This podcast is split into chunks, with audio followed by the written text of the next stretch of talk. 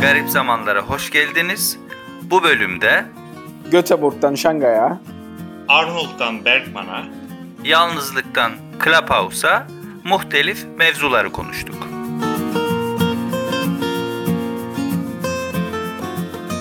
Evet vakalar arttı bir panik havası sardı herkesi ve yeniden kendimizi lockdown'da bulduk. Evlerdeyiz. Ee, Herkes evinde elektronik e, araçlarla, internetle birbirine, dünyaya bağlanıyor. Yeni yeni teknolojiler de e, sıklıkla konuşuluyor ama daha ziyade de e, herkes aslında bir münzevi bir durum içerisinde, bir yalnızlıkta yaşıyor. Nasıl geçiyor bu lockdown sevgili Sertaç senden başlayalım. Abi benim takdir edersin ki yalnız geçmiyor.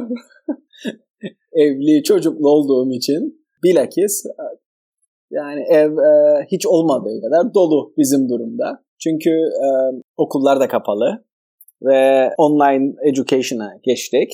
Büyük oğlum ilkokul ikinci sınıfta. Dolayısıyla biz o anlamda yani münzevilikten e, söz etmek pek mümkün değil.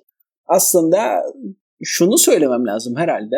Yani iki küçük çocuğu olan bir baba olarak e, ya da işte bir ebe, ebeveyn olarak aynı şey eşimin için de geçerli aslında. Hiç geçirmediğimiz kadar uzun zaman geçiriyoruz birlikte çocuklarımızla. Herhalde tek pozitif e, tarafı budur diyebilirim. Yani Bu bunu duyuyoruz. Şöyle kapanmanın. özellikle aileler, evli olanlar da bunun pozitif ve negatif yansımaları da oluyor. Çünkü gün içerisinde farklı farklı şeyler yaparken çok böyle her an birbirinizin dibinde değilsiniz. Ama şimdi böyle bir hayat sürüyor olmak nasıl etkiliyor e, sizin ruh halinizi? Şu ana kadar iyi gittiğimizi söylemek mümkün. Zaten yani, çoluk çocuk var. Sorumluluk paylaşılıyor. Herkes bir şeyle, kendi işiyle uğraşıyor zaten diyorsun. Öyle aslında sorumluluk e, herhalde itiraf etmem lazım bunu daha fazla eşim tarafından alınıyor yani çocuklara bakma sorumluluğu. O da aslında şeyden kaynaklanmıyor yani ben e, nasıl diyeyim bencilliğimden falan kaynaklanmıyor. Eşimin e, avukat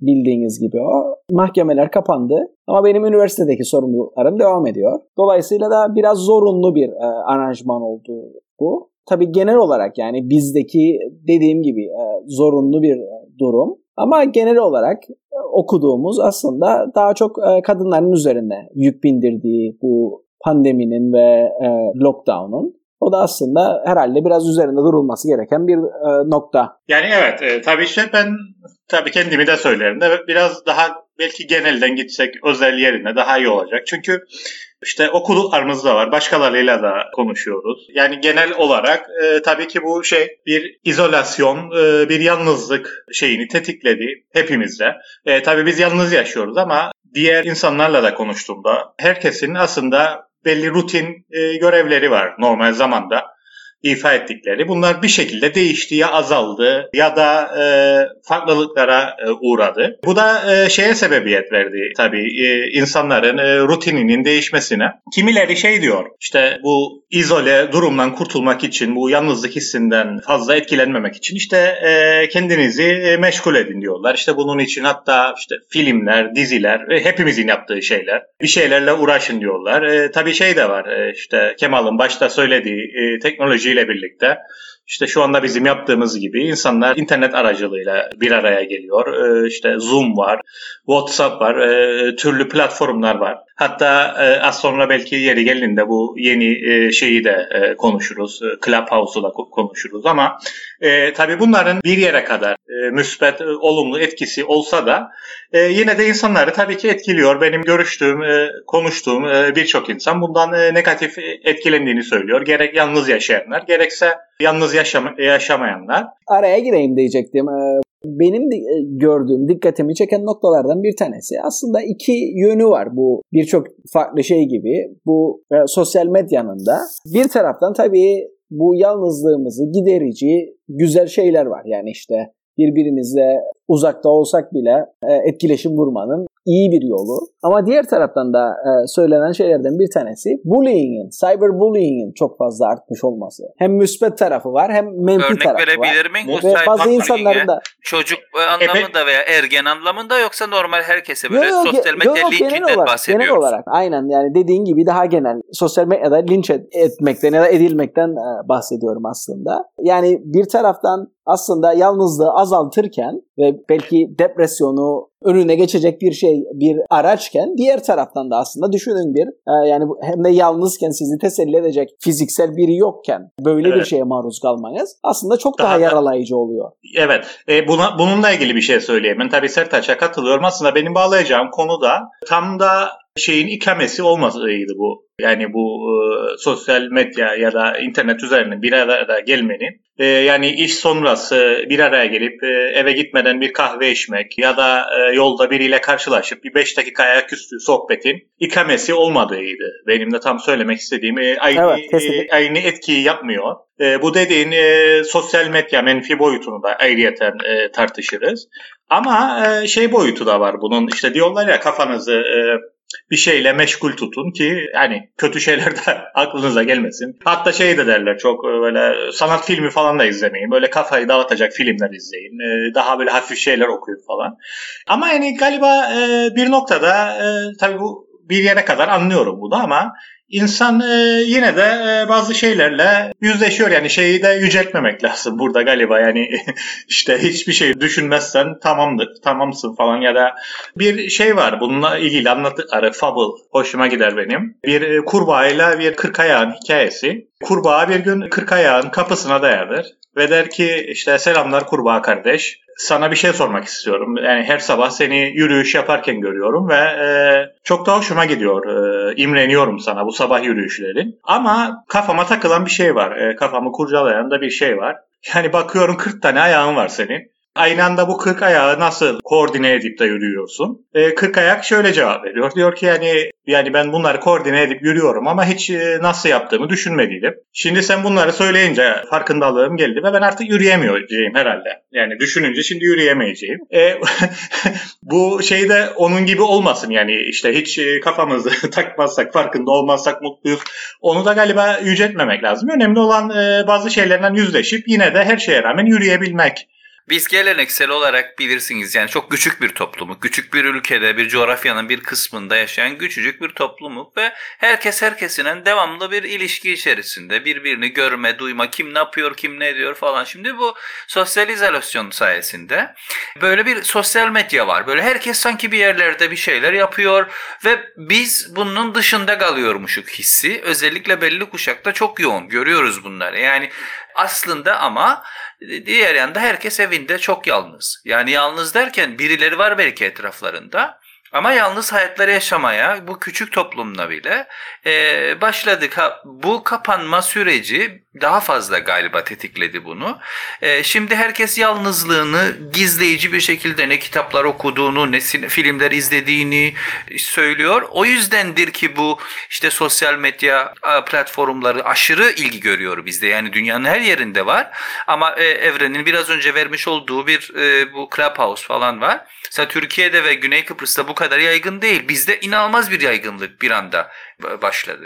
Bu, bu münzevilik haliyle de alakalı. Özellikle küçük ve hep bir arada e, yaşamaya alışmış e, bir toplum olarak diye düşünüyorum. Bir şey söyleyeyim ben bu arada. Yani e, tam da bıraktığın noktadan almayacağım ama onun için lütfen aklında tut bunu. Evrenin söylediği şey noktasına takıldım ben birazcık. Dedi hatta seyredeceğiniz filmlere falan dikkat edin. Onu söyleyince birkaç gün önce okuduğum bir makale geldi aklıma ve hemen ona baktım bir hızlı bir şekilde e, tazelemek için e, hafızamı. İsveç'te Göteborg Film Festivali'ni bu sene çok farklı bir şekilde yapmışlar bir adada ve sadece tek bir seyirciyle yani malum sosyal e, mesafe kuralları falan var ya insanları bir araya getirmek doğru olmayacağı için ki aslında İsveç bildiğiniz gibi çok da böyle e, şey yapmadı. Anortodoks bir e, metot izledi. Ama buna rağmen böyle ilginç bir şey yapmayı e, düşünmüşler. Ve şey yani biraz da böyle fikirden emin olmayarak acaba olur mu olmaz mı? gibisinden Galiba e, demişler şey yani kim 7 gün geçirmek ister tek başına bir adada 60 film seyrederek ve 45 farklı ülkeden 12 bin kişi e, başvurmuş. Yer almak bu, bu da için. bu da şeyi göstermiyor mu yani izolasyonun, yalnızlığın yani evrensel bir olgu olduğunu, global bir olgu olduğunu yani evet. bizi, bize özgü. Ve rağbet de özgü. gördüğünü. E, tabii. Rağbet Ee, diyorsunuz ama hep iki, iki, iki farklı boyutu var. Bir yandan hiç istenmeyen bir şey. Hep böyle insanlar başkalarıyla olmak istiyor bir yerlere gitmiyor. Ama devamlı da hep özlenen bir şey. İşte gideyim kendi dağ başında bir ev hayali. Gösteri bahçede oturuyor falan böyle. Kimse yok. Hem yalnızlığı ama aynı zamanda hep başkalarıyla birlikte bir şeyler yapmayı e, özlüyoruz. Devamlı bir özleme hali. Yani e, Sertaç'ın bu söylediği biraz da şeyi aklıma, hatırıma, aklıma getirdi. Bu ünlü İsveçli yönetmen var Bergman. Ee, aman. Bergman, Bergman da son yıllarını tek başına Faroe Adalarında e, geçirmiş. Kimseyle e, görüşmeden, e, kimseyle iletişim kurmadan. E, bu İskandinavlar tabii biraz garip e, insanlar ama yani e, onun ötesinde tabii bu şeyden herkes şikayetçi. E, kiminle konuşursak konuşalım işte e, Kıbrıs Türklerin yoğun olarak bulunduğu İngiltere'de şu anda aylardır e, sokağa çıkma yasağı devam ediyor. Oradaki işte dostlarımızla, akrabalarımızla konuşuyoruz. Onlar e, çok bunaldılar. Benim işte yine Kopenhag'la konuştum geçenlerde. Orada da e, şeyler devam ediyor. yani Danimarkalılar da e, Yani bu çok konuda- Abi hiç Mesaj- başkalarından bahsetme bana ya. Bu mesajlar geliyor ya nedir bu ve verilen örnek İsveç, Danimarka hep aynı coğrafyadan E, arkadaşlar dostlar diyor evden. Adam Gönyeli'de oturmuyor sanki. Malmö'den direkt Abi küreselleşme böyle bir şey işte. Aynen böyle bir şey ve yani e, bu olgu da e, küresel bir olgu. O yüzden yani ne bileyim ben bize özgü olduğunu ben hiçbir zaman düşünmedim. Zaten bize özgü olmadığını da görüyoruz. İşte dediğiniz gibi yılların e, geleneksel e, organizasyonları, ulusal ve uluslararası organizasyonlar e, yapılamıyor, şekil değiştiriyor. İnsanlar evden çıkamıyor. Şeye gelecek olursak o da e, ilginç bu. Dur, Club, bir, e, bitireyim bu bu bitir tabii tabii bu tabii. Clubhouse'a gelmeden şeyi e, Göteborg Film Festivali'ni bitireyim. Yani çıkamıyoruz bir türlü İskandinavya'dan. Yani şey çok hoşuma gitti e, bu kısmı. Yani kadın bir taraftan da şey e, video diary tutuyor. Bu arada nurse işte bu e, şanslı izleyici diye, diyelim. Bir böyle dramatik bir filmden sonra çok daha fazla şikayet ediyor işte. Yani bu tek başına seyredilecek bir film değil. Keşke yanımda biri olsa da sarılsaydım böyle çok drama. Şöyle bir şey daha var bu arada. Bunun çok da yani kolay bir e, tecrübe olmayacağını bilerek hazırda bir psikiyatrist tutuyorlar. yani o da enteresan bir boyutu. Bunu da söyleyip e, kapatalım bu Göteborg Film Festivali'ni. Şimdi bir Ee, e, İsveç'te Buna bir ekleme yapayım. her iki kişiden bir, biri yalnız yaşıyormuş bu arada. Evren bilecek tabii. Tabii e, e, belki de bu ortodoks metodu denemelerinin sebebi bir tanesi o. E, yani müreffeh bir ülke. İnsanlar e, tek başına yaşamayı maddi olarak kaldırabiliyor. Artı tabii o kültürel kodlar da onların daha böyle e, erken yaşta bağımsızlığını kazanan çocuklar daha sonra daha mesafeli oluyor falan. Bizim gibi karşılaştığında öpüşmüyorlar falan filan. Ama e, tabii bu e, söylediğinle ilgili bir e, e, arkadaşla konuşuyorduk işte. E, o da dedi bu izole zamanını sinemayla dolduracağım da işte sanat filmleri izleyin falan dedi. İşte Tarkovski, Markovski dedim güzeldir yani Tarkovski zaten topu topu 6 filmi var izlersin. Başka kim var falan dedi. Dedim yani bu kategoride aynı kategoride işte Fellini var, Hitchcock var, Kurosawa var ama e, Bergman da var ama dedim Bergman'da limit 4 tanedir. Yani Bergman'ın çok filmi var, onlarca filmi var. Ama arka arkaya görebileceğin 4'tür dedim. Çünkü 5.ye geçersen pencereden aşağı atlayıp intihar edebilir. o yüzden onun şeyi maksimum azami limiti 4'tür. Şimdi senin bu bahsettiğin örnekte de Göteborg Film Festivali'nde de yani böyle Bergman tarzı filmler izlettilerse katılan e, talihsiz kişiye tek başına onun ruh hali muhtemelen daha da kötüye e, gitmiştir. Evet. Belli ki inişler çıkışlar yaşadı. Bu arada böyle bir şeye başvurur muydunuz siz? Ya da başvuran birini tanır, başvuracak birini tanır mısınız? Benim aklıma birisi gelir ondan soruyor. Evet benim aklıma da o kişi gelir. O kişi herhalde başvururdu yani. diye tahmin ediyorum. Buradan da tabii bizim e, doktor bir arkadaşımız var ama kendisi daha ziyade tıptan ziyade sinemayla ilgili e, ona da buradan e, selam göndermiş olalım. O geldi bizim e, aklımıza. Ben ikinizi de sinema sever olarak biliyorum ama yani bildiğim kadarıyla.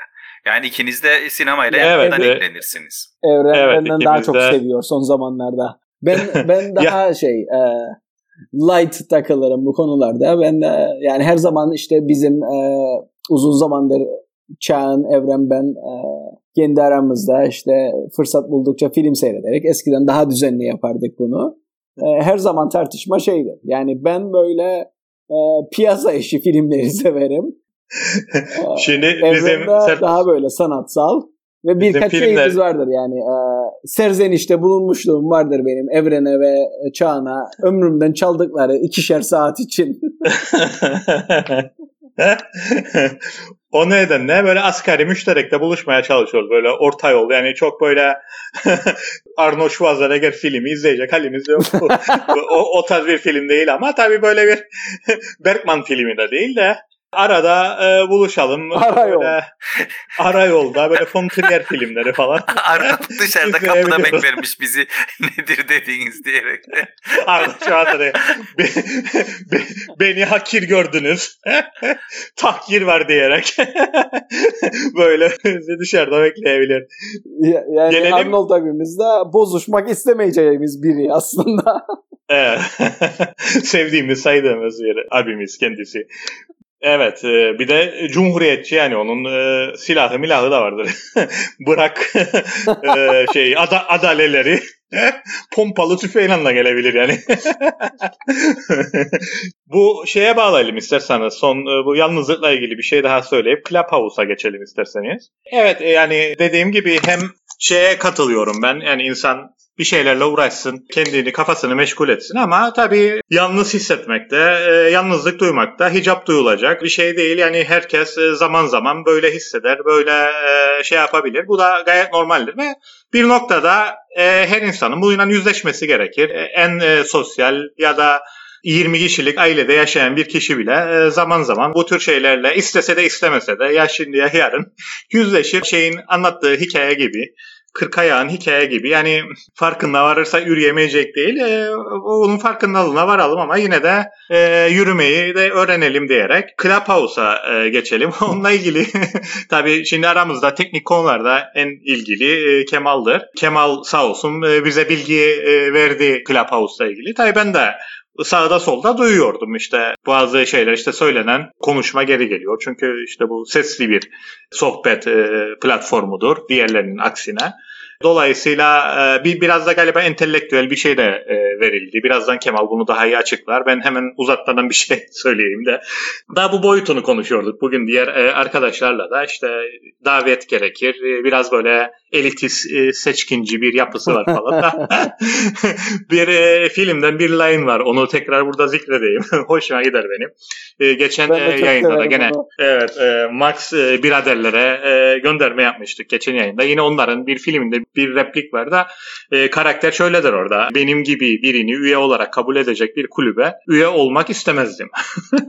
Tam bu şey içinde bu yani elitizm falan filan da yani o da nereye kadar? Evet Kemal sen ne diyeceksin bu Clubhouse işi şey mi acaba böyle bazı şeylerde fos çıkar ya işte yoksa gerçekten de internet platformunun e, geleceği orada mı? Ne diyorsun sen? Klasik bir Android e, G e, kıskanması diyorum senin söylediklerine. Tabii ki e, bu Androidciler ulaşamadıkları için bu G'ye mundar diyorlar haklı olarak. İşin şakası tabii ki ben de Android kullanıyorum o başka. Ama bu çok ilginç bir şey oldu. Yani bu platformun birkaç bence ilginç özelliği var. Birincisi gerçekten böyle bir elitist havası var. Yani hani davet edilmek, davetle gelmek falan, davet edildin mi gibi, var mı davetiyen gibi böyle bir boyutu var. O ilginç bir iktidar alanı yaratıyor orada. böyle yarı şaka yarı ciddi. Bir ikincisi bir de böyle bir başka aidiyetler grubu var. Yani işte Androidciler, işte iOS kullananlar, işte bunun sınıfsal yansımaları var mı yok mu diye geyik yapanlar benim gibi burada. Bir üçüncü boyutu da tabii ki e, işte sesin geri gelmesi. Niye ses geri geldi? Çünkü işte burada artık herkese kendini ifade edebilecek kadar bir zaman e, tanınıyor ve herkese orada entelektüel kapasitelerini ortaya koyma, yaratıcılıklarını ortaya koyma imkanı tanınıyor. Ha bu kötü bir şey değil ama bunun yansıması, bunun yansıtılması, bunun dışarıya aktarılması çok ilginç. Çünkü konuşmayı, sohbet etmeyi, tartışma yapmayı ve seviyeli tırnak içinde söylüyorum, tartışma yapmayı ve bunun üstünden bir aidiyet oluşturmayı yücelten bir yaklaşım da söz konusu. Dolayısıyla evet yani konuşalım, güzeldir. Bir de tabii bunun paketleme olayı var sanırım. Nasıl ki podcast dediğimiz şey aslında konuşan insanlar yani ses dosyaları ama podcast deyince başka bir hava, başka bir aidiyet. Yani ben Gaile'de de yazdım bu hafta. Böyle podcast'ın özellikle son dönemlerde yükselen bir trendi var. Niye? Çünkü dünya çok hızlı hareket ediyor. Çok hızlı tüketiliyor bunlarda. Hızlı tüketildikleri için de her anda, her alanda yürürken, sürerken, koşarken yani hayat hızlandıkça her an bir sosyal medyaya, bir interaktiviteye erişim e, fırsatı tanıyor bu podcastlarda. Dolayısıyla bu son programda Evren senin söylediğin gibi her an bir şeye bağlı olmak bir yana ama aynı zamanda da kendimizi ifade etmek, bir grubun parçası olmak, yani bir aidiyet üstünden, bir entelektüel üstünden bir aidiyet kurgulamak da söz konusu diye düşünüyorum. Bu arada yani, e... Çin kapatmış ya Clubhouse'u. yani böyle de bir boyutu var. Yani ben son birkaç günde duymaya başladım bu Clubhouse'un ne olduğunu. Zaten bugün daha önce e, bizim o e, ortak yazışma grubunda da e, size sordum aslında nedir diye tam olarak bu Clubhouse. Ve hemen arkasından da şeyi okudum. Çok popüler olduğunu Çin'de de ama insanlar başlayıp işte Tayvan konusunu, Uygurlar konusunu konuşmaya e, başlayınca Başlayın. anında abi palayı aldı şey nedir adı Çin Komünist Partisi Çin Komünist tak diye kapattı. Yani o Kemal'ın bahsettiği elitizm melitizm şey e, Çin'de bir yer diyorsun.